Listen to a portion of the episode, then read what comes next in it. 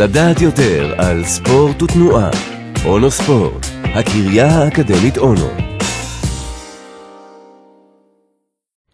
קפאין הוא אחד החומרים הנפוצים בעולם הספורט התחרותי והחובבני, כממריץ ומשפר ביצועים. אבל מה לגבי שתיית כוס קפה? על השאלה הזאת ניסה לענות גיל קלארק, מרצה לפיזיולוגיה של המאמץ, מאוניברסיטת קובנטרי באנגליה. עד היום נמצאו כמה השפעות חיוביות לקפאין בהקשר לפעילות גופנית. אחת, נקשר לכימיקל החשוב אדנוזין, וכך מגביר ערנות.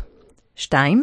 מגביר ומעורר את מערכת העצבים המרכזית. 3. כנראה משכך כאב וייתכן שאפילו מגדיל את כמות הסיבים בשריר.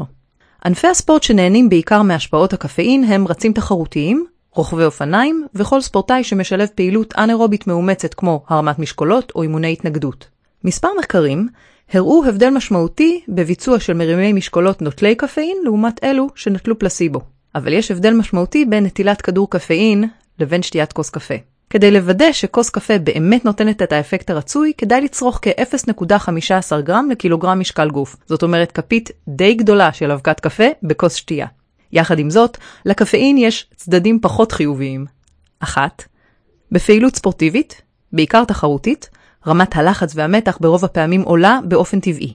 נטילת קפאין עלולה להעצים את תחושת המתח. בהקשר זה חשוב להשתמש בקפאין באימון או משחק ידידות, לפני שצורכים בתחרות עצמה. 2. ההשפעה של קפאין יכולה להישאר עד 5 שעות, זאת אומרת שהיא עלולה לפגוע באיכות השינה.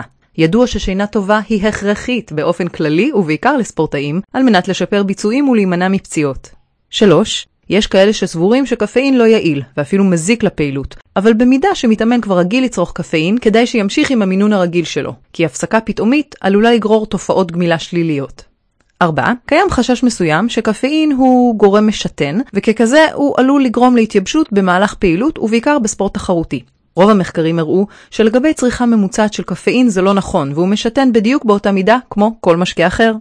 אם כן, המטוטלת נעה בשנים האחרונות לטובת הקפאין, ורוב המחקרים תומכים בהשפעות החיוביות של החומר בספורט החובבני והתחרותי. יחד עם זאת, חשוב לזכור שלא בכל מקרה ההשפעה היא חיובית.